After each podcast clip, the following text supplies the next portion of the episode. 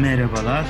Otizm salgını kitap okumalarımızın 6. haftasındayız. Bugün normalleştirme konusunu konuşacağız. Yayınımızı YouTube'dan, Twitter'dan ve e, Zoom üzerinden takip edebilirsiniz. Ayrıca YouTube'dan da canlı chat aracılığıyla yayınımızı takip edebilir. Fikirleriniz varsa paylaşabilirsiniz. Ee, okumaya çalıştığımız kitap Otizm Salgını kitabı. Otizm Salgını kitabını birlikte okumaya çalışacağız. Tekrar söyleyeyim. 5 haftadır okuyoruz. Bu 6. haftadayız. Ee, bugüne kadar kurum dışılaştırmadan bahsettik. Otizm salgınının gerçekten bir salgın mı yoksa e, toplumsal bir inşa mı? Yani toplumun kendi içindeki bazı dinamiklerinden dolayı oluşan bir durum mu olarak anlamaya çalıştık. Bugün özellikle normalleştirme kavramı üzerinden anlatmaya çalışacağız. Yani otizm salgını ile normalleştirme dediğimiz bir e, durum var. Bunun arasında bir bağlantı var mı? Yok mu? Birlikte bunu konuşmaya çalışacağız, anlamaya çalışacağız. Sorularınız ve paylaşımlarınız olursa da e, fikrinizi beyan edebilirsiniz, konuşabilirsiniz. Ben şimdi hem okuyarak hem de bazı yerlerin üzerinden geçerek hem de kendi fikrimi belirterek e, çalışmayı sürdürmeye çalışacağım. Şimdi bugün dediğim gibi normalleştirme konusunu konuşacağız. Normalleştirme dediğimiz nedir? Biraz bunların e, üzerinden geçeceğiz. Normalleştirme ile otizm salgını arasında bir ilişki var mı? Normalleştirme niye bu kadar e, önemli hale geliyor? Otizmi anlamamızda normalleştirmenin e, normalleştirme ile ilgili düşüncelerin e, bir katkısı var mı? Bunu anlamaya çalışacağız. Burada özellikle giriş bölümündeki bir yerden başlamak istiyorum. Bu hem otizmde normalleştirme kavramının ne olduğunu anlamamıza vesile olacak. Hem de buradan yola çıkarak da bazı şeyleri konuşma imkanı olmuş olacak. Bu arada dediğim gibi bir fikriniz olursa e, paylaşıma katılabilirsiniz. Sorularınızı Zoom üzerinden de sorabilirsiniz. Zoom'da da aktif bir şekilde katılabilirsiniz ya da Twitter'da söz alarak da paylaşıp paylaşabilirsiniz. Şimdi burada e, kitabın 55. sayfasında bir yer var. Burayı kısaca okumak istiyorum. Önemli gibi. Hem de normalleştirme tanımı var burada. Normalleştirme ile ne kastediliyor? E, bunu anlatıyor. Diyor ki normalleştirme dediği şu. Geri zekalıların mümkün olduğunca normal bir varoluşa sahip olmalarını sağlamak ve bunun için gerekli tüm bakım ve eğitim hizmetlerini sunmaktır. Normalleştirme ilk olarak 1959'da Danimarka'da ardından 1967'de İsveç'te yasalaştı. İs, İsviçre, İsveç'te ger- gerçekleşmesinin yani bu bölgelerde gerçekleşmesinin de bir e, anlamı var. Çünkü şöyle düşünün İkinci Dünya Savaşı'ndan çıkmışsınız. Büyük bir yıkımla e, çıkılmış o, o dönem Avrupa'sında ve yeniden bir e, oluşumlar var. Yeniden devletlerin kendi içinde organizasyonu var. Dolayısıyla e, toplumun dışına itilmiş, toplumda bir yer edinememiş e, engelli bireylerin de toplumsal hayata katılmaları yönünde bazı yasalar, kararlar çıkarmaya başlıyorlar. Dolayısıyla ilk İskandinav ülkelerinde bu gerçekleşiyor. Çünkü İskandinav ülkelerinde gerçekleşmesinin de e, bir nedeni olduğunu kitabın ilerleyen sayfalarında okuyacağız zaten. Şimdi demek ki normalleştirme neymiş? Normalleştirme bir şekilde insanların normal bir varoluşa sahip olmalarını sağlamak için gerekli bakım ve eğitim hizmetlerine yararlanmasını sağlamak için onların sürece dahil edilmesi. Yani normal insanlar gibi düşünmeleri, normal bir varoluş şeklin neyse bunu yaşamaları, bunun içinde barınma, eğitim ve çalışma ile ilgili düzenlemelerin içerisinde yer almaları şeklinde ele alınıyor. Bu özellikle bu yıllarda yani baktığımız zaman e, 1959'da ilk olarak Danimarka'da ortaya çıkmış. Sonra 67'de İsveç, sonra 72'de de 69'da pardon Birleşik Devletler'de ve artık bu e, yetersizliği olan bireyler eğitim yasasının çıkmasıyla birlikte 72 yılında Amerika'da iyice artık kurumsal bir hale geliyor normalleştirme. Ve artık burada normalleştirme adı altında şu karar verilmeye çalışılıyor. Deniliyor ki her çocuğun kendi bireysel ihtiyaç ve yeteneklerine göre en az kısıtlayıcı bir çevrede ücretsiz ve uygun bir eğitim almasının koşulları yaratılmaya çalışılıyor. Aslında bu sayede bir toplum dışına itilen ya da eğitimden, terapiden yararlanamayan insanların da bir şekilde e, sürece dahil edilerek kurum içerisinde e, bunlardan yani yasaların da desteğiyle faydalanmaları sağlanıyor. Böylece diğer insanlar gibi yani vergi veren, çalışan bireyler gibi yararlanmaları sağlanıyor. Burada ilginç bir tartışma konusu e, ortaya koyuyor kitaptaki bir bölüm. Burasını ben e, tekrar üzerinden geçmek istiyorum. Mesela diyor ki protezle e, gözetim arasında ne gibi bir fark var? Bunu anlatmaya çalışıyor. Mesela protez dediğimiz nedir? Bir e, bir organımız diyelim kolumuz yok. Biz bir protez takıyoruz ve böylece kolumuzun e, olduğu e, ya da artık o eksikliği yaşamamaya başlıyoruz. Dolayısıyla buradaki protezle e, ne yapıyoruz aslında? Biz doğayı taklit etmiş oluyoruz.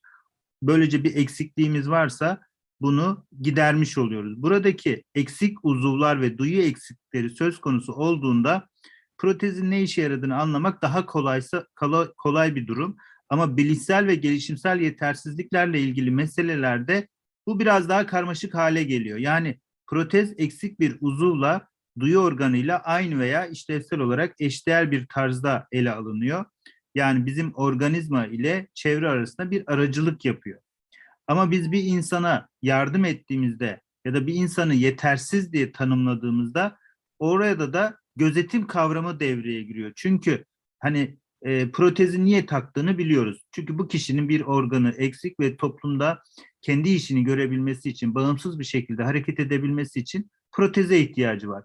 Ama mesela konu akılla ilgili bir mesele olduğu zaman hani biz orada aklının hangi konuda diyelim eksik, yetersiz olduğunu bilemediğimiz için dolayısıyla biz ona nasıl yardım edeceğiz? Biz onu nasıl bu yardım doğru bir yardım mıdır şeklinde bir şey belirlemek oldukça güç. Hani adamın kolu eksik ya da kolu kolunun olmadığını biliyoruz ve biz bir protez takıyoruz. Bu sayede bir kolu varmış gibi ya da kolunu istediği gibi kullanabilecek şekilde hayatını sürdürebiliyor.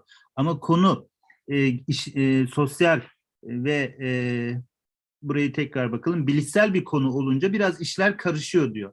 Biz burada öne sürdüğümüz, öne sürdüğümüz yani devletin bu konuda bu kişilere yardımcı olmak için ya da kurumların ya da insanların işte sizin aklınızda şu konu eksik ve size bu konuda yardımcı ol olacağız biz demesi için bazı şeylere ihtiyaç var diyor. Yani bunu yapmak konusu oldukça karışık bir konu. Bu karışıklık da zaten bugüne kadar gelen en önemli konulardan birisi. Yani biz birisine protez yardımı yapabiliriz çünkü onun ihtiyacı var. Bu gayet açık.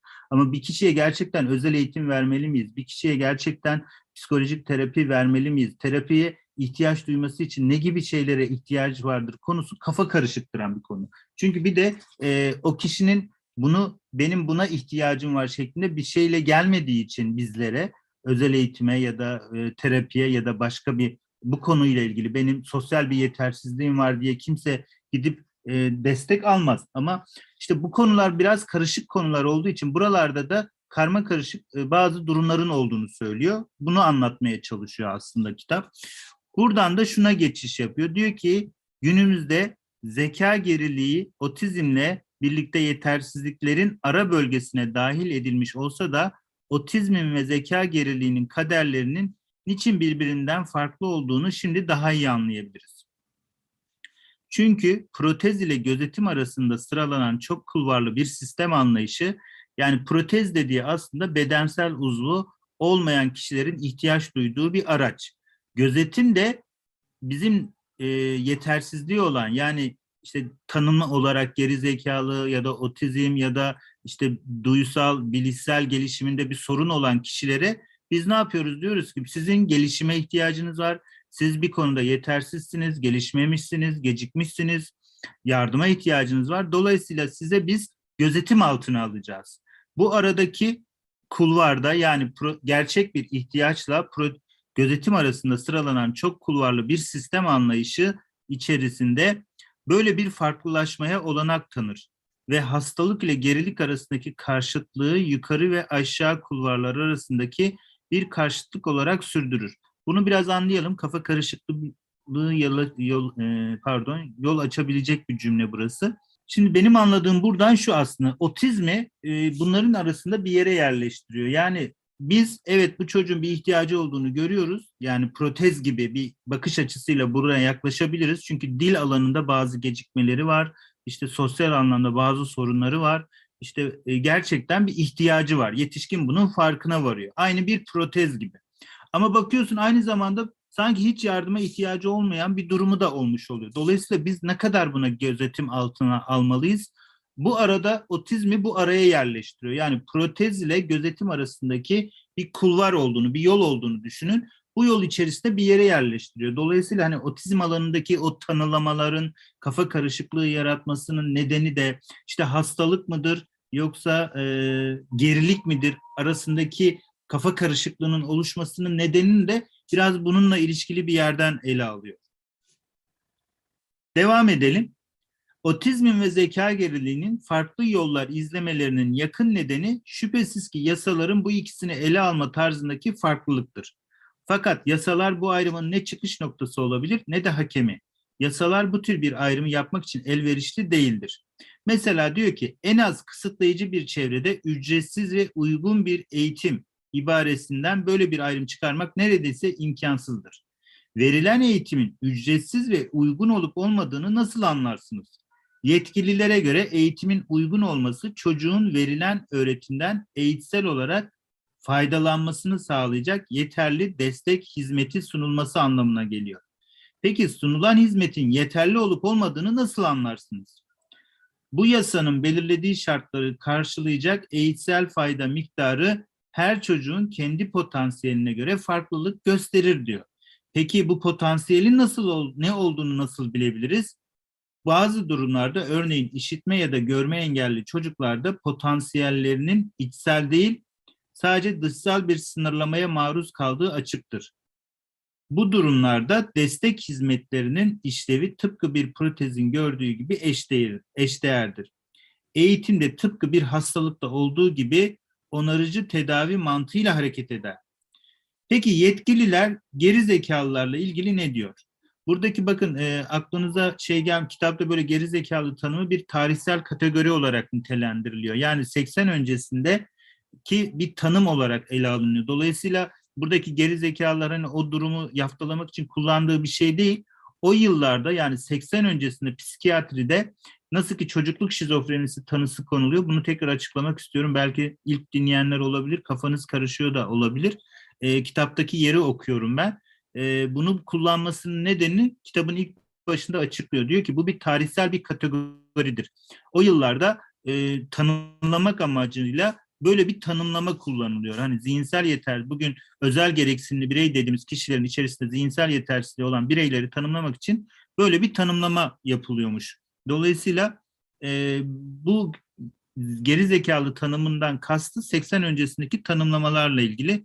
Burayı tekrar altını çizmek istedim. Şimdi buraya kadarki kısımda aslında diyor ki yasalar diyor otizmin e, ve zeka geriliğinin farklı yollar izlemesi arasındaki e, karışıklığı da arttıran bir unsur olarak, unsur olarak görüyor. Çünkü yasalar otizme farklı yaklaşıyor, zihinsel yetersizliğe farklı yaklaşıyor. Dolayısıyla bu da e, durumu iyice karmaşık bir hale getiriyor. Bunu söylediğini anlıyorum ben buradan. Devam ediyorum. Burası önemli. Şimdi diyor ki yasalarda diyor şöyle bir durum var. Eğer diyor çocuk otizm tanısı alırsa en azından bu çocuğun gelişme potansiyeli taşıdığı ve e, geliştirilirse yani uygun eğitim alırsa e, sosyal hayata katılacağı, işte kendisini daha iyi ifade edebileceği, böylece kendi bireyselliğini sağlayacağı gibi bir anlayışın e, sa, e, anlayışın olduğunu söylüyor. Ama 80 öncesinde yine tanımlama olarak zihinsel yetersizlik yani gerizekalı çocuk tanımı alırsa bu çocukların sosyalleşse de hani zihinsel yetersizlikleri çok sınırlı düzeyde oldukları için verilen eğitimden de çok fayda sağlayamayacaklarını, dolayısıyla bunlara yönelik çok fazla eğitim, e, öğretim süreci içerisinde ya da bakım ya da hizmet sağlanması ile ilgili e, oldukça daha az bir eğitim ve olanaklarından faydalanıyorlar. Dolayısıyla 80 öncesinde insanlar şöyle düşünüyorlar. Bir de şunun bunun böyle olmasının daha e, ilginç bir nedeni var. 80 öncesinde sizin diyelim bugün hastaneye götürdüğünüzde işte göz teması kurmuyor, ne bileyim öğrenme problemleri var, ne bileyim işte e, stereotipik hareketleri var diye gittiğinizde 80 öncesinde se- e, 80'li yıllara kadar yani 60'lı yıllardan 80'li yıllara kadar çocuğa gerizekalı tanısı konuluyor. Şimdi aileler de hastaneye götürdüklerinde çocukları yani bugün otizm tanısı aldığını aldığını düşündüğümüz çocukları 80 öncesinde hastaneye götürdüğünde e, çocuklar zihinsel yetersizlik tanısı, gerizekalılık tanısı aldıkları için aileler de oldukça bu konuda kafası karışıyor ve diyorlar ki ya bu çocuklar zihinsel yetersizliğe sahip çocuklar değiller. Bu çocukların farklı sorunları var. Ama o dönem kurumsal yapısı, hastaneler, işte psikiyatri e, bu çocuklara böyle yaklaştığı için diyor. Kitabın geçmiş bölümlerinde söylediği için ben burayı size kısaca açıklama gereği duyuyorum. E, dolayısıyla diyor ki biz de bu çocukların bir zihinsel yetersizlik yani gerizekalı tanımı almaması gerekiyor. Dolayısıyla başka bir tanım almaları gerekiyor diyorlar. Çünkü bu çocuklar gelişmeye müsait, bu çocuklar işte zihinsel yetersizliği olan çocuklar gibi değil. Çünkü bir de bugün nasıl ki mesela otistik tanımı, otizm tanımı bir damgalama olarak karşımıza çıkıyor ya ve insanlar kendilerini ötekileştirilmiş, dışlamış olarak hissediyorlar ya.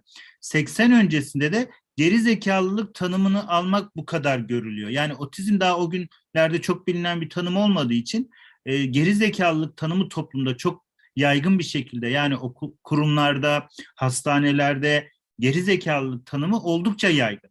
Dolayısıyla aileler çocuklarını götürdüklerinde hastaneye doktorlar da otizmin çok fazla ne olduğuna dair bir fikri olmadığı için bunu otizm teşhisi olarak e, pardon otizm teşhisi değil de geri zekalılık tanımı olarak e, ele alıyorlar ve ona göre size eğitim terapi sürecinden yararlandırıyorlar.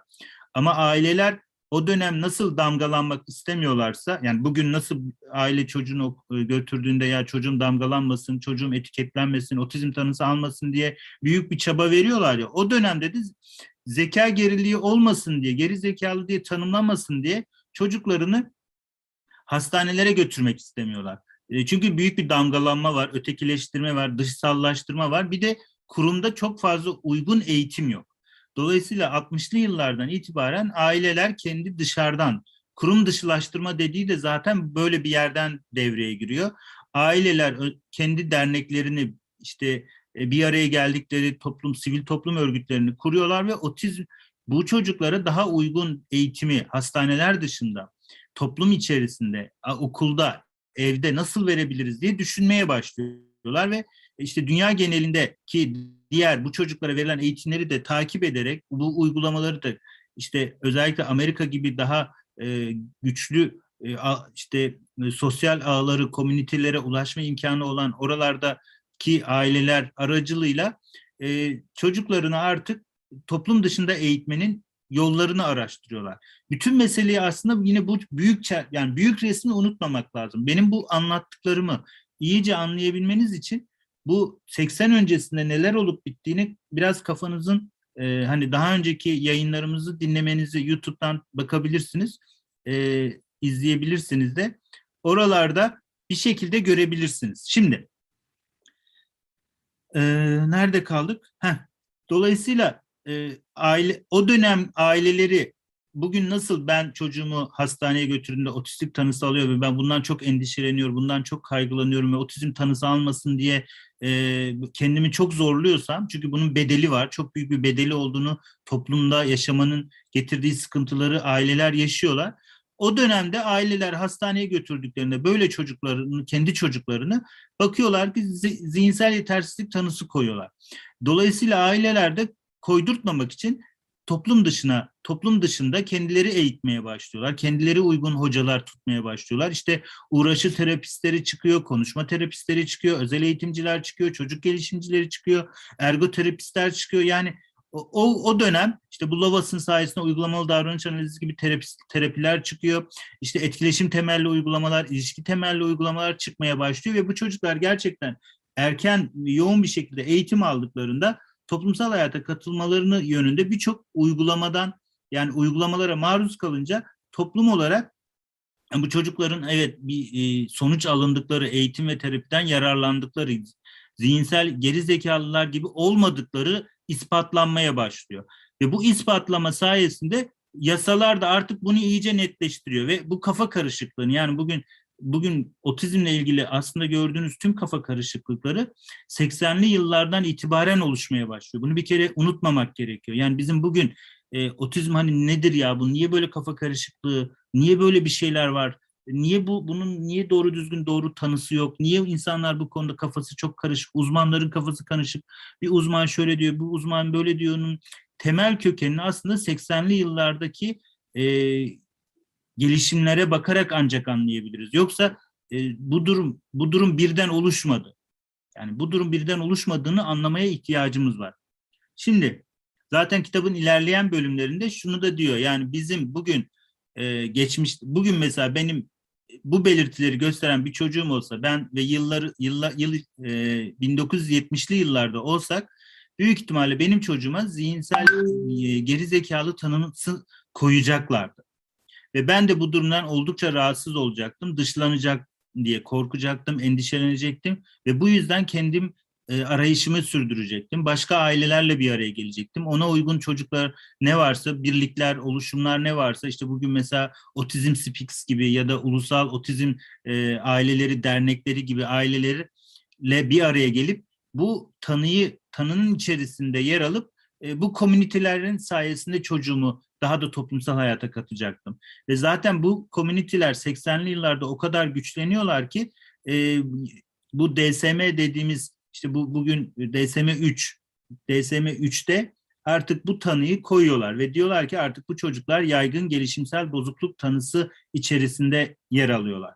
Dolayısıyla zihinsel yetersizlikten ayrı bir şekilde ele alınmaya başlanıyor ve dolayısıyla özel eğitim destekleri aldırılıyor. Yasalar da artık desteklemeye başlıyor. Yani çok güçlü lobiler sayesinde bu bunlar yasalara da giriyor ve Amerika'da mesela bunlar kaç yılında bakalım 72 yılında falan yetersizliği olan bireyler eğitim yasası çıkıyor. Böylece bu eğitim yasası sayesinde bu çocuklara uygun ihtiyaç ve yeteneklerine uygun en az kısıtlayıcı bir çevrede ücretsiz ve uygun bir eğitim alması şartını koşmaya başlıyorlar. Tabii bu artık genelleşiyor. Avrupa'da da diğer dünyanın başka yerlerinde de e, bu buna benzer bir oluşum için yani bu, bu fikir artık benimsenmeye başlıyor ve bugün mesela biz de e, diyoruz ki e, bu çocuklara uygun en az kısıtlayıcı bir çevreniz var mı? Ortamı oluşturuluyor mu? Devlet böyle bir şeyi etkili ve etkili kişiler oluşturmak için çaba harcıyor mu? İnsanlar ya da aileler kendileri e, kendi evlerinde bu en az kısıtlayıcı çevreyi e, uygun, çocuğuna e, uygun bir ortam sağlıyorlar mı? Bunun için gerekli eğitim ve terapi sürecinden faydalandırıyorlar mı? Bugün dememizin nedeni aslında 70'li yıllardaki e, o dönemin alınan yasalar yani yasalardan alınan kararlarla ilgili. Bu da tabii bizim e, hani bizim eğitim sürecimize işte rehabilitasyon merkezleri aracılığıyla biraz daha giriyor ve daha da hızlanıyor. Aslında o döneme kadar yine bir şeyler var ama çok sınırlı bir şekilde oluyor bu ücretsiz ve uygun bir eğitimin en azından bir kısmı rehabilitasyon merkezine, özel eğitim ve rehabilitasyon merkezlerinin açılmasıyla birlikte Türkiye'de başlıyor. Bakıyorum birazdan. Burayı okumam gerekiyor çünkü ilginç bir şey söylüyor. Burada şunu da belirtmek istiyorum. Şimdi diyor ki bir de e, bu, ar bura, bu arada bir fikriniz varsa buraya kadarki kısımla ilgili sizin de dinleyebilirim. Twitter'dan ya da Zoom'dan var mı acaba? Konuşmak istediğiniz bir şey olursa lütfen söz alabilirsiniz. Peki, devam edeyim ben. Bu bireyselleştirilmiş eğitim programlarının e, ortaya çıkması da çok ilginç bir konu. Bu e, yetersizliği olan bireylerin eğitimi meselesi devreye girince devlet diyor ki bu çocuklara tamam ben e, uygun bir eğitim ortamı sağlayacağım. Ama bunu nasıl yapacağım? Bunu işte diyor özel eğitimciler sayesinde yapacağım. Ama özel eğitimciler de tek başına karar vermesin. Çünkü bunun sorumluluğunu almak çok güç. Hani biraz önce protez meselesini anlattım ya. Sen doktora gidiyorsun. Ortopedist sana diyor ki senin proteze ihtiyacın var. Ama senin çocuğunda dil ve konuşmayla ilgili, bilişselle ilgili, işte zihinle ilgili, sosyallikle ilgili bir yetersizlik varsa buna devlet tek başına karar veremiyor. Dolayısıyla siz bugün mesela gittiğinizde hastaneye ne yapıyor? Bir sürü doktorun e, doktordan geçiyorsunuz. Birçok doktorun fikri alınarak yapılıyor. Ya da bireyselleştirilmiş eğitim programı hazırlandığı zaman bir diyor ki ekipte annesi olsun, işte birçok uzman olsun, o çocukla ilgilenen kim varsa o olsun diyor. Bunların nedeni aslında karar verme mekanizmasının çok güç olmasından kaynaklı. Aslında önemli bir şey ama hani nasıl ki protezi bir kişi karar verebiliyor. Evet görüyorsun ihtiyacın var tamam ben bunu kullanayım diyorsun. Ama konu bilişsel olunca, zeka olunca, sosyal durum olunca bunu devlet tek başına belirleyemiyor. Zaten belirleyebilme, belirlemek de çok güç. O yüzden de bu bireyselleştirilmiş eğitim programları oluşturulmaya oluşturulması ve bunun içinde bir ekip oluşturulması. Ekibin ekibe göre ekibin e, kararları doğrultusunda bu çocuğun bu eğitimlerden ve terapilerden yararlandırılması gibi bir zorunluluk koyuyor. Yoksa bu bir kişinin sorumluluğunu alabileceği bir konu olmadığını devlet de o yıllarda anlıyor aslında. Yani düşünün çok önemli bir şey aslında bu. 80'li yıllara kadar siz böyle bir kendi çocuğunuzu doktora götürdüğünde psikiyatrist sorumluluğu alıyor. Ya bu çocuğun işte geri zekalıdır diyor. Bunu böyle eğiteceğiz diyor. Ya da çocukluk şizofrenisi var. Bunu şöyle terapi edeceğiz diyor. Ama konu 80'li yıllardan itibaren artık değişmeye başlıyor. Diyor ki artık diyor bizim buna karar verebilmemiz için yani bu çocukların eğitimden, terapiden faydalanabilmeleri için yapılması gerekenler var diyor ve bunları da ekip yapması gerekiyor. Bunları da bir kişinin sorumluluğuna veremeyiz diyor. Dolayısıyla uzmanların görüşüne bırakıyor. Uzmanlar ne derse onu yapılsın diyor. Yani burada aslında çok önemli bir e, eksen kayması var. Yani tamam daha öncekiler de psikiyatristler de uzman ama tek bir kişinin e, yeterliliğinde olan bir durumda. Artık tek kişinin değil de bir ekibin oluşturul, oluşturulduğu bir duruma doğru bir geçiş sergileniyor. Burada da tabii uzmanlar artık ne derse uzmanlar o çocuğun eğitim ve terapisi için neye karar veriyorlarsa onun gerçekleşeceği bir duruma dönüştürülmüş oluyor. Yani devlet aslında burada sorumluluğu ve topu diyor ki ben sana bir ortam için gereken yasaları sağladım. E, siz de uzmansınız. Siz de uzmanlar olarak bu çocukların neye ihtiyacı varsa, nasıl bir çevreye ihtiyaç varsa bunu sağlayın diyor. Dolayısıyla uzmanlaşma artıyor.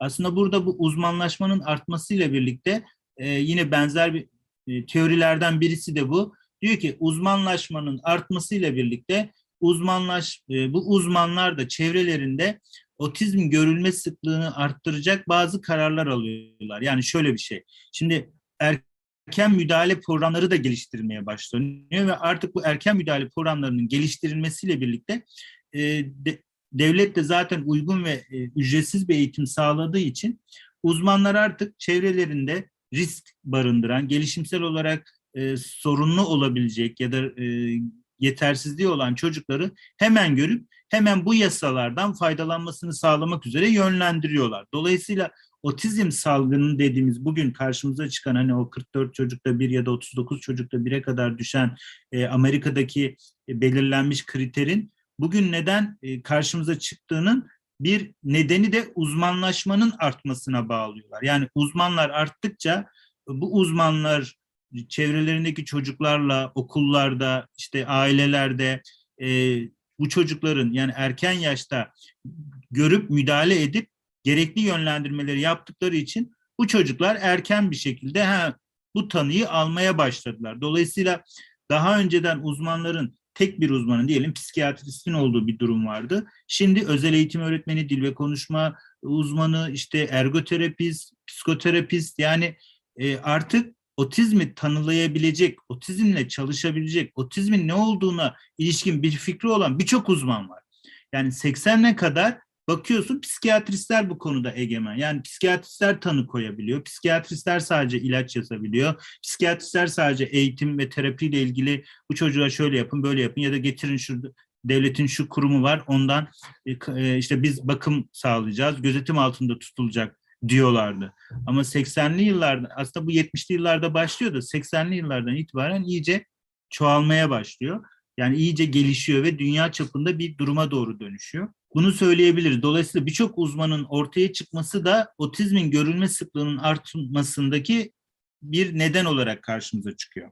Burada bir bir e, durum daha söylüyor. Diyor ki kritik fırsat penceresi. Bu e, kritik fırsat penceresi dediği durum şu. Hani bu çocuğun erken, biz bugün diyoruz ya erken ve yoğun eğitim verilmesi gerekliliği. Bu neden çok önemli bir hale geliyor? Çünkü hani erken erken yaşta bu çocuklar tanılanıp erken yaşta eğitim ve terapi sürecinden faydalanılırsa e, bu çocukların ileride işte gençken ya da ergenken ya da yetişkinlikte toplumsal hayata daha çabuk katılacakları. Dolayısıyla toplumsal hayatta diyelim bu çocukları hiç eğitim almadığını düşünün, hiç terapi almadıklarını düşünün. Toplumsal hayatta bu kadar çocuğu siz ne yapmış olacaksınız? Kapatmak zorunda kalmış olacaksınız. Ailelerde bir e, işte aileler bu çocuklarla ilgili çok ciddi sıkıntılar yaşayabilme ihtimalleri oldukları için baş edemeyeceklerdi. Dolayısıyla toplumsal yaşamda çok ciddi bir soruna yol açacaklardı. Oralarda işte bakım merkezlerinin, işte rehabilitasyon merkezlerinin ya da işte e, neler varsa işte bakım evlerinin çok olması gerekiyor. Yani toplum bu konuda daha çok para harcayacak. Dolayısıyla erken yaşta bir şekilde bu kritik fırsat penceresi dedikleri şeyin ortaya çıkmasının nedeni de biraz bu. Diyorlar ki biz ileride bu çocuklara diyelim 10 dolar harcayacağımıza şimdiden biz en iyisi e, 1 dolar harcayalım. Böylece çok daha e, herkese ulaşsın. Erken yaşta erken bir şekilde bunun teşhisini, tanısını koyalım, müdahale edelim. Dolayısıyla yine otizm tanısının bu kadar yoğun bir şekilde karşımıza çıkmasının nedenlerinden birisinin de bu olabileceğini söylüyor. Burayla ilgili e,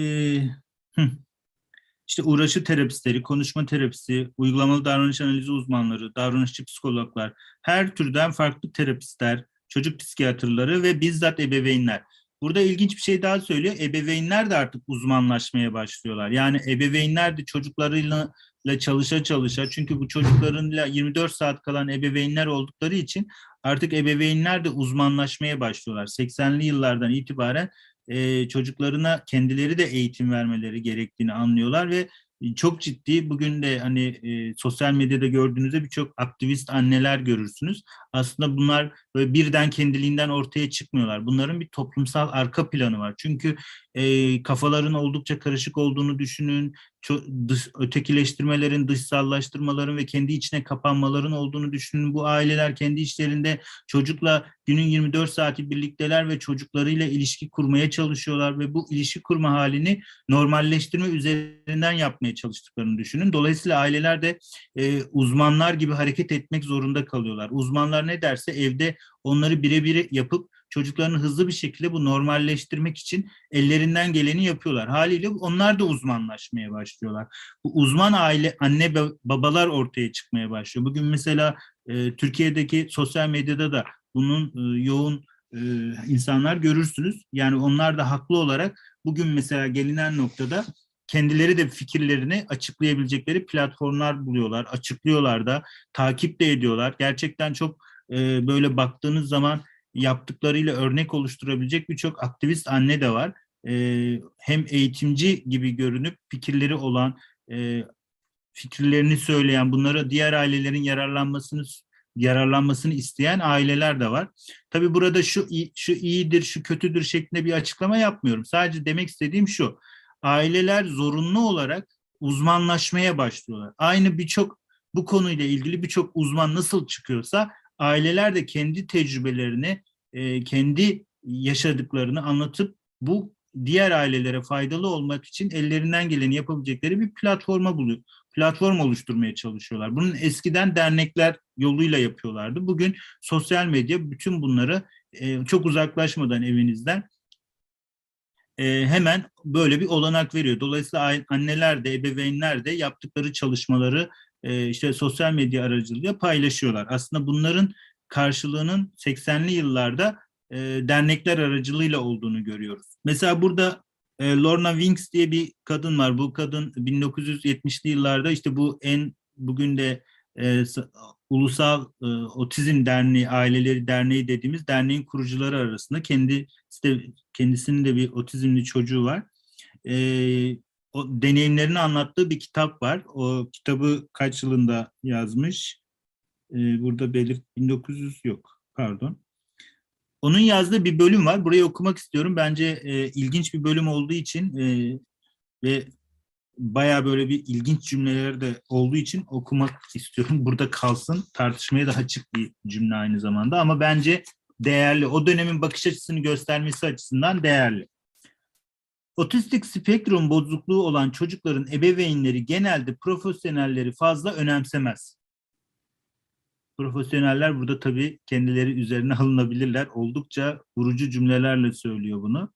Ebeveynler bir profesyonelin otizmle ilgili gerçekten bir şeyi bilip bilmediğini hemen anlar. Ve çocuğunun da bilmediğini görürler. Pardon, çoğunun da bilmediğini görürler. Konu hakkında ebeveynlerin saygısını kazanacak derin bir bilgiye sahip olmanın sadece iki yolu vardır. Aslında burada diyor ki ebeveynler aslında ebeveynler çocuklarının gerçekten kime ihtiyacı olup olmadığını hemen anlıyorlar. Yani profesyonelleri fazla önemsemiyorlar e, gibi bir şey söylüyor burada. Bu diyor ki e, konu hakkında ebeveynlerin saygısını kazanacak derin bir bilgiye sahip olmanın sadece iki yolu vardır. Birincisi bizzat ebeveyn olmaktır. Diğeri ise bakın bu çok ilginç diyor ki yani sizin bizi anlayabilmeniz için bir otistik çocuk annesi söylüyor bunu. Diyor ki sizin uzmanlara söylüyor. O dönemin e, 1970-80'li yıllardaki e, en önemli temsilcilerinden yani dernek temsilcisinden ve o döneme kadar otizmle ilgili ne kadar bilgi varsa bunu kendi toparlamış, e, Amerika'ya getirtmiş. Amerika'da bunlarla ilgili çok ciddi çalışmalar yapmış. İşte bir komisyonlar oluşturmuşlar, yasalar yasalar oluşturmak için ellerinden geleni yapmış. E, bir aktivist kadın söylüyor bunu.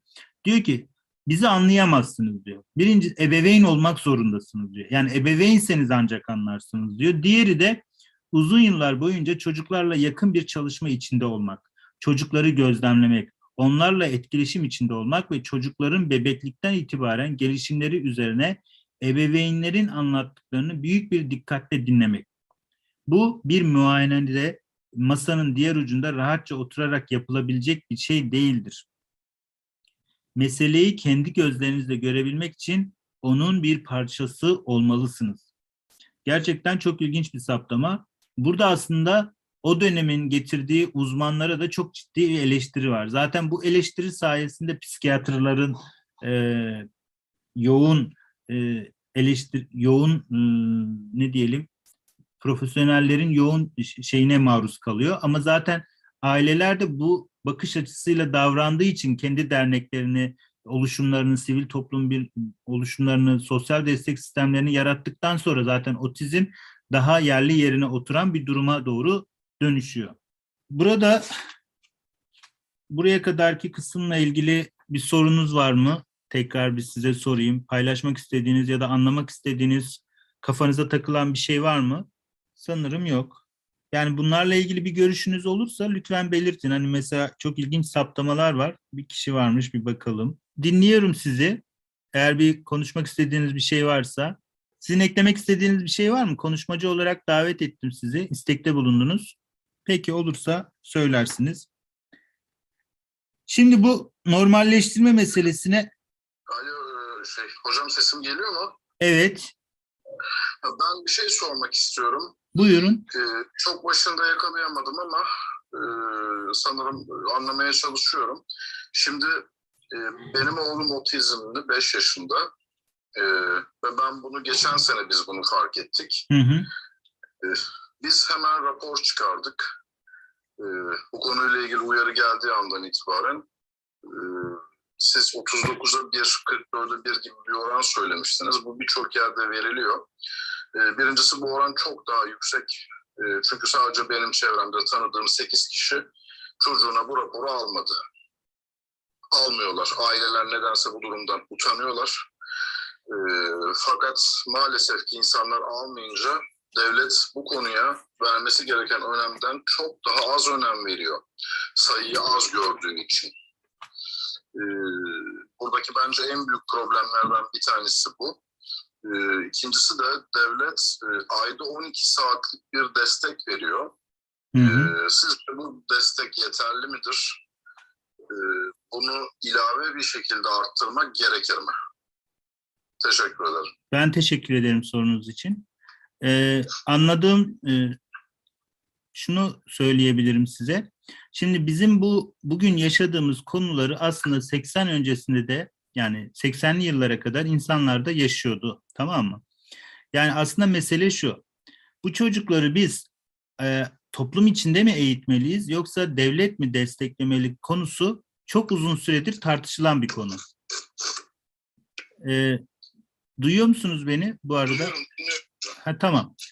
Şimdi tabii ki yeterli değil. Mesele şu. Bu işi yapacak kişiler kim? Yani devlet diyor ki ben benim imkanlarım yani şu anki toplumsal devlet anlayışı şunu gerektiriyor. Şuna karar vermiş durumda. Ben diyor e, bu çocukların eğitim ve terapi almaları gerektiğini biliyorum. Yani kaç yıllık bir mücadele var. Yani yaklaşık neredeyse 40'lı yıllardan itibaren olduğunu düşünün. Çok uzun bir mücadele var ve şu konular artık bilimsel literatürde de ispatlanmış durumda. Bu çocukların uzun, yoğun ve gerçekten e, etkili ve yetkili kişilerle bir araya gelerek oluşturulmuş programlardan e, ailelerin de işbirliğinin alındığı bir e, sistem içerisinde ancak toplumsal hayatta işte ya da daha çabuk e, hani o en az kısıtlayıcı bir ortamda yararlanacaklar ve kendilerini daha iyi hissedecekler. Yaşama daha iyi katılacakları yönünde artık elimizde çok ciddi veriler var. Aynen. Bugün Evet. bugün e, Türkiye gibi bir ülkede ise e, bizim gibi ülkelerde devlet bu konuya el atmadığı için e, bütün dernekler, sosyal e, medya kurumları ya da bu konuyla ilgilenen insanlar zaten dü- kitap bunu çok iyi anlatıyor. Diyor ki e, özellikle bu konuya eğilmeyen devletlere e, harekete geçirebilmek için salgın meselesi öne sürülüyor. Yani deniliyor ki bak diyor deniliyor bu bir salgın.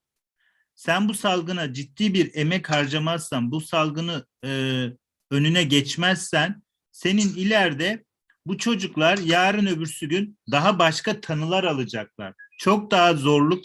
Bu arada sesinizi kısma imkanınız var mı? Ben şu an konuşmuyorum ama Şey hışırtı geliyor da sanırım mikrofonu kapatmanız gerekecek. hemen kapatıyorum. Tamam. Ee, şunu söyleyeyim.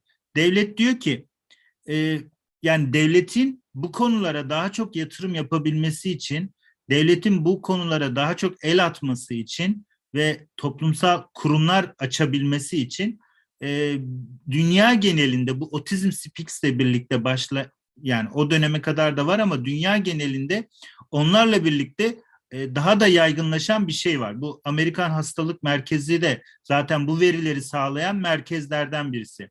Yani dolayısıyla ama bu veriler çok değişken bir veriler ve çok doğru olup olmadığı önemli değil. Zaten kitapta biz şunu anlamaya çalışıyoruz. Bu veriler doğru veriler mi?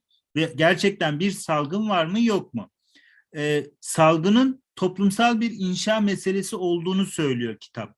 Şunu demek istiyor.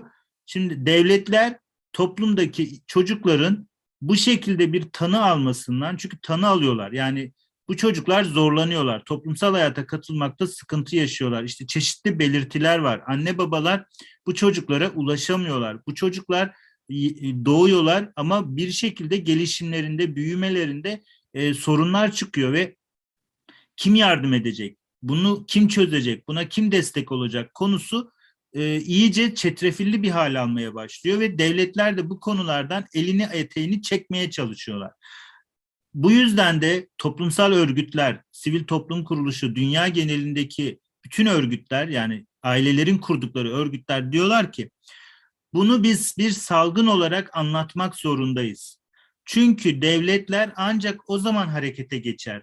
Ancak o zaman bu işe el atar ve bak 44 çocukta bire düştü bu, yarın 39'da bire, yarın 20'de bire, yarın iki çocuktan biri otizm tanısı alacak. Sen hala neyi bekliyorsun? Yarın geleceğimiz işte ne bileyim bizim toplumsal toplumu geleceğinde bir çocuklarında bir sorunlar çıkabilir. Hayata katılmalarıyla ilgili sıkıntılı sıkıntılı şeyler oluşabilir. Sen sen bir şekilde kendi geleceğini hani çocuklar bizim geleceğimizse ve bu geleceğimizde de bazı sorunlar ortaya çıkıyorsa sen şimdiden önlemini almak zorundasın.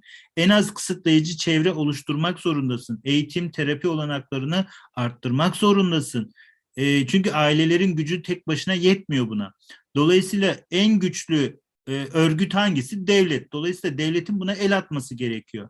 O yüzden de kitap diyor ki devleti harekete geçirebilmek için sivil toplum kuruluşları da bir otizm salgını e, durumunu oluşturmuş durumdalar ve otizm bunu anlatabilirlerse Yani bu bir salgındır. Gerçekten de çocuk hani siz de diyorsunuz ki ben çevremde tanı almaya müsait çocuklar, aileler biliyorum. E, bunlara şimdi devlet e, devlet el atmazsa, buna yönelik çözümler bulmazsa, e, bul- bulmuyor da zaten bıraksam bulmayacak da zaten. O yüzden de bütün bu hani salgın meselesi demelerinin nedeni o. Onu anlayabiliyor musunuz? Devleti harekete geçirebilmek için etkili ve yetkili kişileri harekete geçirip kurumlar açmaya, eğitimcileri organize etmeye, bu işi daha ucuza halletmenin yollarını buldurtmaya. Çünkü insanlar vergi veriyorlar. İnsanlar e, işlerine giderken arkalarında çocuklarının rahat koşullar içinde yaşadığını bilmeye, hatta öldükten sonra bu çocuğun sağlıklı, e, güvenilir ortamlarda büyümeye devam etmeleri gerektiğini düşünüyorlar. Yani bütün hepimiz hani diyoruz ya öldükten sonra ne olacağız diye aileler endişeleniyorlar çok haklı olarak. Şimdi e, ama insanın verimliliği için çalışıp gündelik hayatını sürdürebilmesi için ebeveynlerin e, çalışmak da zorundalar. E, çocukları da var. Şimdi bunu tek başlarına sürdüremezler. Çok ciddi bir emek ya da ekonomik bir bedeli olduğunu da hepiniz biliyorsunuz zaten. Dolayısıyla devletin buna mutlaka e, uygun yasalarla e, mesela bunu Amerika 1970'li yıllarda 72'de çıkarmış düşünün. İsveç, e, Danimarka 67'lerde 69'larda çıkarmış. Bunları niye yapıyorlar? Boş boşuna değil. Bu çocukları biz e, toplumsal hayata katarsak bu çocukların anne babaları da toplumsal yaşama daha aktif katılır. Daha aktif vergi verirler. Daha aktif bir vatandaş olurlar, birey olurlar. Dolayısıyla biz bunları eğitelim, bunlara ortam sağlayalım. Onlar da bu ortam içerisinde vatandaş olarak ellerinden geleni yapsınlar diyorlar. Yani de, toparlayacak olursam sorunuzu şöyle cevap verebilirim. Biz bir şekilde top, e, otizm salgınını şöyle anlamalıyız. Evet, bizim çocuklarımız çevremizde gördüğümüz birçok çocukta e, göz teması kurmaktan tut, işte stereotipik hareketlerin olduğu yani bir çeşit büyüme sorunları var. Gelişme sorunları var. E, ve bu çocuklara biz gereken desteği, büyüme desteğini tek başımıza veremiyoruz böyle koşullar içinde. Dolayısıyla bize birilerinin uygun ortamı sunmaya e, sunmakta sunmak zorunluluğu var. Bu da en büyük çatı örgütü olan devletin yapabileceği iş. Eğer devlet bunu yapmazsa ben tek başıma yapmakta zorlanırım. Çünkü benim verebileceğim eğitim, benim verebileceğim terapi, benim bir ebeveyn olarak çocuğa yapabileceğim şey ona sadece sınırlı bir ortam sağlamakla ve gücüm oranında eğitim aldırmakla ye- yeterli. 12 saatlik bir eğitimin yetmeyeceğini hepimiz biliyoruz. Literatür, bilimsel araştırmalar da zaten diyor. Erken ve yoğun eğitim.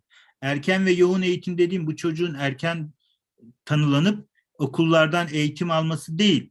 Toplum içerisinde, okulda, sınıfta, ailede, sosyal çevre içinde e, gidip çocuğun bütün ortamlarında bir şekilde yoğun fırsatlara dayalı bir ilişkisel, etkileşimsel, e, gelişimsel müdahaleler, erken müdahalelerin olduğu bir e, eğitim terapi sürecinden faydalanması. Sadece e, hani ben bunu çocuğa alıyorum, rehabilitasyon merkezine gidiyorum, 40 saat oradan eğitim alıyor değil. Bu çocuğun yaşamını sürdürdüğü her alanda, her yerde uygun toplumsal koşullar içerisinde faydalanması gerekiyor. Faydalanması için ortamlar oluşturulması gerekiyor. Bugün sadece hani aileler e, diyor ki ben işte 40 saat çocuğuma eğitim aldırayım. Tamam ama ona uygun toplumsal çevre yok. Gittiğinde sen markete, AVM'ye gittiğinde dışlanıyorsun. E, Şimdi 40 saat eğitim aldırsan ne olur çocuğunu? Çünkü ona uygun bir toplumsal çevre inşa edilmemiş. Bunu kim sağlayacak? Bu bir devletin işi. Bu konuyla ilgili sosyal devletin, e, sivil toplumların birlikte yoğun işbirliği içerisinde olması gereken bir durum. Bir kere bunu anlamak gerekiyor. Zaten bütün mesele bu. Bu büyük meseleyi yani benim gücüm sınırlı ama daha büyük bir çatı örgüt var. Devlet ve devlet de bunu ancak yapabilirse böyle büyük bir toplumsal hareketlilik oluşursa bu çocuklar hem ben anne ebeveyn olarak sağlıklı bir yerden faydalanmış olacağım hem de e, bir kişi daha var istekte bulunan. E, o da fikrini belirtebilir ben e, toparladıktan sonra. Ben şunu söyleyeyim kısaca. E, evet yoğun bir eğitime ihtiyacı var ama bu yoğun bir eğitim ancak en az kısıtlayıcı bir ortam sağlanırsa olabilir. Sadece çocuk için değil, benim için de. Yani bir ebeveyn olarak benim de uygun çalışma koşulları, uygun yaşam koşulları, uygun sağlık, barınma, güvenlik koşulları olmazsa ben sadece 40 saat bu çocuğa eğitim aldırsam ne fayda olur?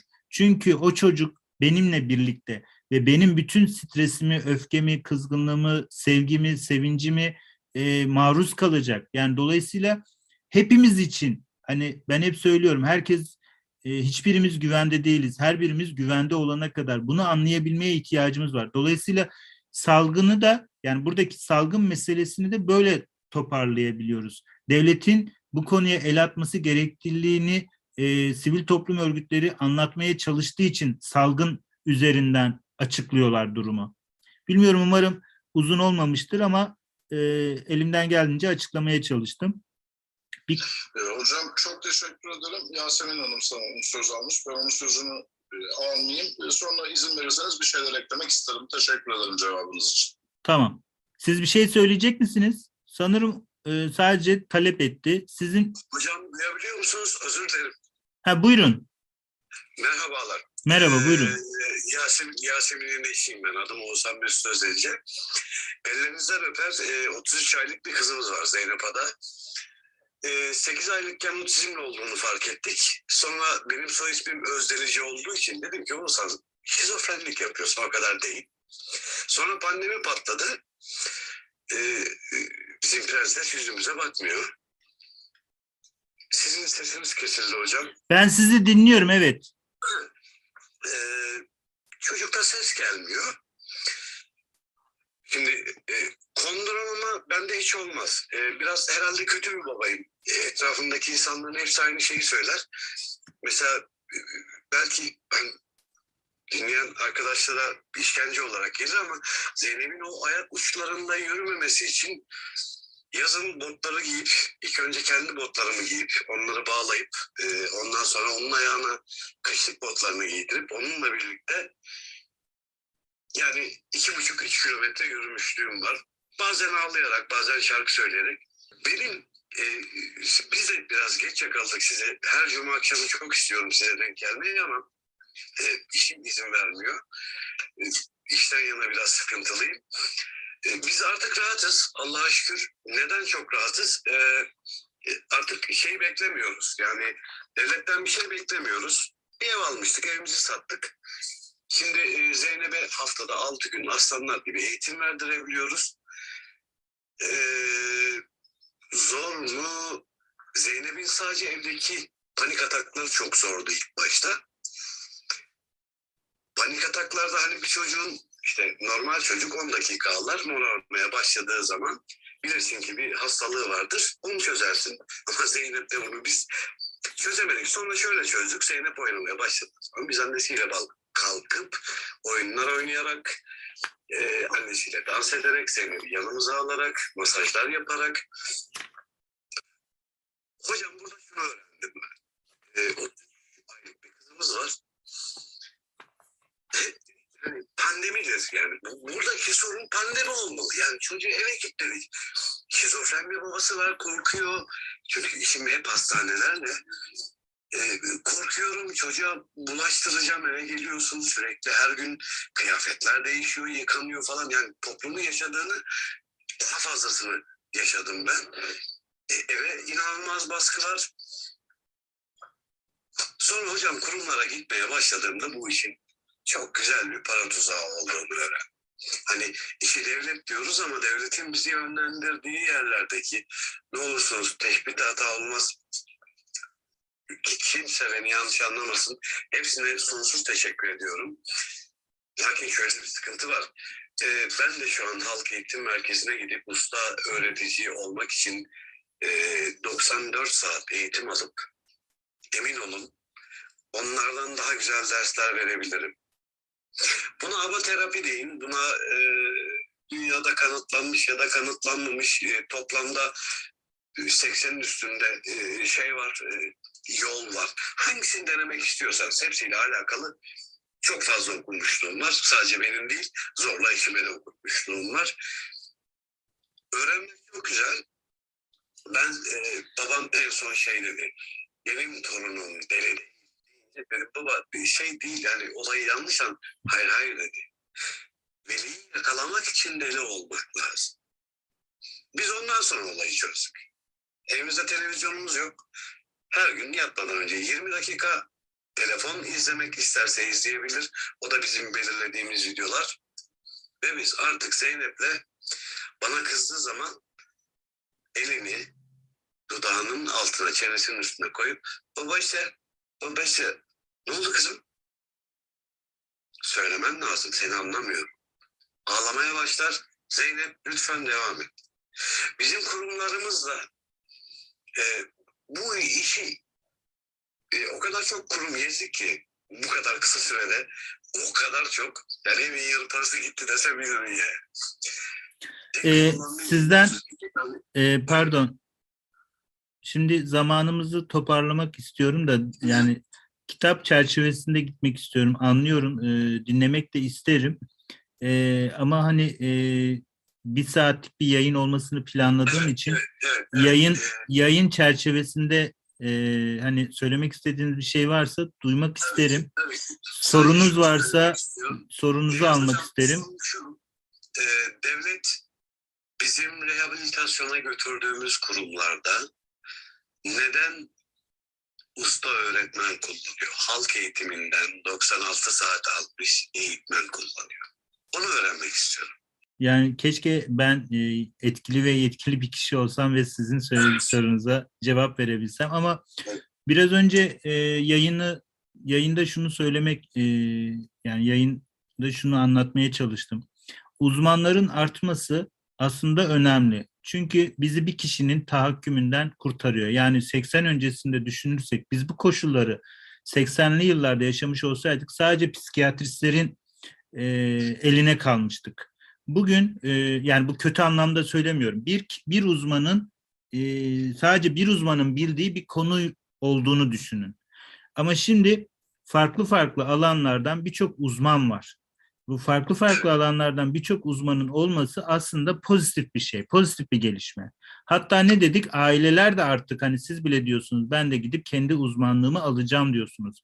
Bunlar aslında e, çocuğumuzla ilişkimizde bize çok avantaj sağlayabilecek şu anda durumlar. Umarım e, ben sizi anlıyorum. Sorun aslında sizin kaygınızı da anlıyorum. Şunu söylemek isterim sadece. E, bu kendi e, uzmanımızı, kendi bilgimizi kendimiz için ve çocuğumuz için daha hayırlı bir şekle getirmek zorundayız. Şu koşullar içerisinde hani mesela biz bugün İsveç'te olsaydık e, böyle e, koşullar içinde yaşasaydık yani e, otizmli bir çocuğum olsaydı devletin bana verdiği imkanlar, sosyal faydalar, beni beni rahatlatmak için bulduğu yöntemler daha farklı. Çünkü oralar 1960'lı bakın normalleştirme diye 1969'dan itibaren böyle yasalar çıkmış. Bizde rehabilitasyon merkezlerinin geçmişi daha 10-15 yıllık. Yani bir 50-60 yıllık geçmişi olan bir şeyden bahsediyoruz. Bizde daha 10-15 yıllık. Dolayısıyla biraz hani karşılaştırma gibi anla, an, anlatmak istemiyorum. Sadece bizim koşullarımız farklı demek istiyorum. Biz bu koşullar içerisinde önce anlamaya ihtiyacımız var. Ben kendi çocuğumla e, ne yapabilirim? Kendi e, benim gibi olan ailelerle nasıl bir araya gelebilirim? Çünkü bakın Avrupa'da da Amerika'da da bu iş aileler bir araya gelip kendi sosyal destek sistemlerini kurduktan sonra rahatlamaya başladılar. Yoksa çok sıkıntılı şeyler yaşadılar. Sizlerin de bence biraz bunlara ihtiyacınız var. Yani benim gözlediğim konu bu açıkçası. Yani aileler kendi sosyal destek sistemlerini yani ne demek bu? Ben benim gibi olan, benim gibi yaşayan e, ailelerle bir araya gelip neler yaşıyoruz biz? Biz bunları niye yaşıyoruz? Bunları nasıl çözebiliriz? Bu, bu konuları işte tanıdan teşhise, tedaviye nasıl yol alabiliriz?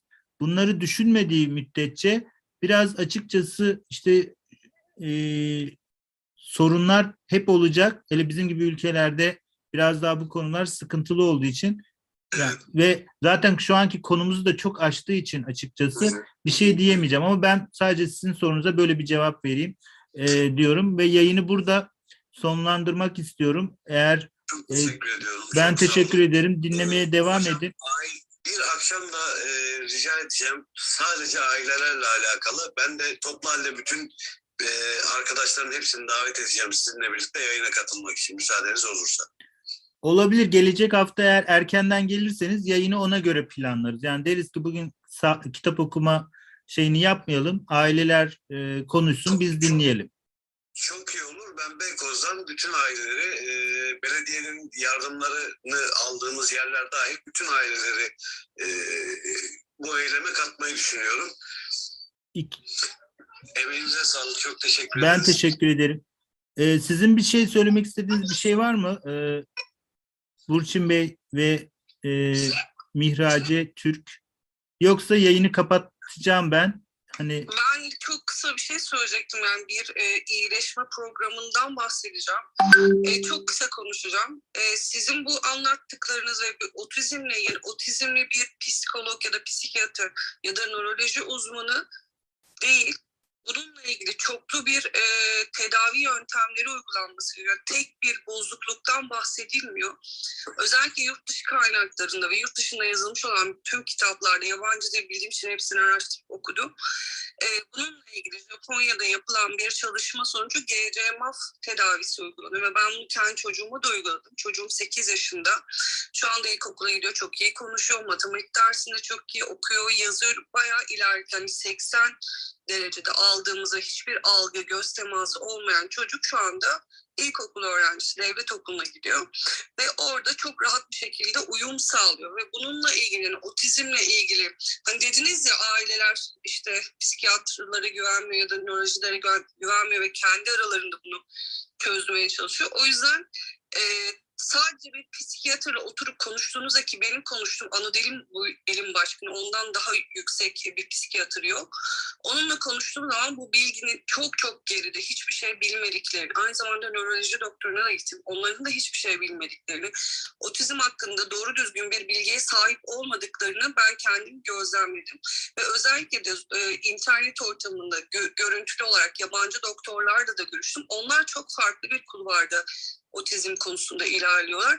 Tabii biz çok çok gerideyiz ve kesinlikle hiçbir şey bilinmiyor bu konuda. Bunlarla karşılaştırma yaptığımızda uygulanan, dünya çapında uygulanan ve tıp literatürüne henüz geçmemiş olan, yine de ilaç firmalarının etkisiyle geçmiş olan tedavi yöntemleri var.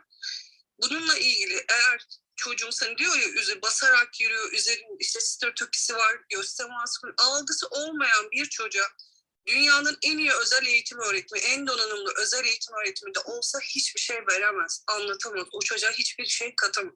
Çocuğun önce algısını açmak gerekiyor. Bununla da ilgili çocukta çoklu bir bozukluk olduğunu yani bağırsaklarında, e, savunma mekanizmasında, e, uykusunda yine toksin atamama durumları var. Bunlarda çoklu bir bozukluk olduğunu kabul edip bunun üzerine bir tedavi yöntemlerine gidip çocuğun algısını açtıktan sonra özel eğitim, psikolojik destek, rehabilite, masaj, e, ne başka detoks, bununla ilgili ya da diyet, bununla ilgili aşamalara bundan sonra geçmek gerek. Peki, Çocuğunuz anda e, benim pardon, %80 Pardon. tanı- e, tanısı olan çocuğum Beni şu dinliyor anda- musunuz? Evet. Pardon. Yani sizi dinlemek istiyorum ama dediğim gibi yayının şu anda e, bir saati aşmış durumdayım. Tamam, kusura bakmayın böyle kısaca bahsediyorum. Yani Özel eğitim- Ben sizi an, a- annesiniz da- galiba. Durumumuz Evet, sadece annemin şu. hani bu konuda çok bilgi sahibi olduğunu, çok uzun süredir araştırma. Siz de özellikle uzman olan annelerdensiniz yani. Uzman olan annelerden diyemem ama yani çok fazla kişiyle görüştüm, çok fazla araştırmacıyla birebir görüştüm. Tıp doktorlarıyla görüştüm. Profesörlerle görüştüm ve bu insanlar tamamen yabancı insanlar. Ve Japonya'dan özel olarak bu GCMAF ilacını da getirdim. Çocuğuma da uyguladım. Ve çok faydasını gördüm. Yani bakın e, sizin e, sizin bunlar- şu, beni bir dinler misiniz? Öncelikle şunu söyleyeyim. Tabii. E, hani ben sosyal medyadan kimin anne kimin başka bir şey olduğunu bilemem. Ben sadece şunu söyleyebilirim. Hani bir e, şu tedavi yöntemi iyidir ya da şu tedavi yöntemi kötüdür gibi bir şey söylemeden önce e, tabii ki e, bunları anlamak, e, dur, e, bunlara yönelik bilgi sahibi olmak gerektiğini düşünüyorum. E, ama burada e, lütfen siz de şu yola girmenizi istemem açıkçası. Benim yayınımda girmenizi istemem. E, şu hani böyle şunu anlıyorum evet biz Avrupa'dan, Amerika'dan, Japonya'dan çok daha farklı bir kulvarda bir e, süreç içerisindeyiz. Kendi koşullarımıza göre e, durumu anlamaya öncelikle ihtiyacımız var. Ben sizin durumunuzu anlıyorum ama şuna ihtiyacımız var öncelikle.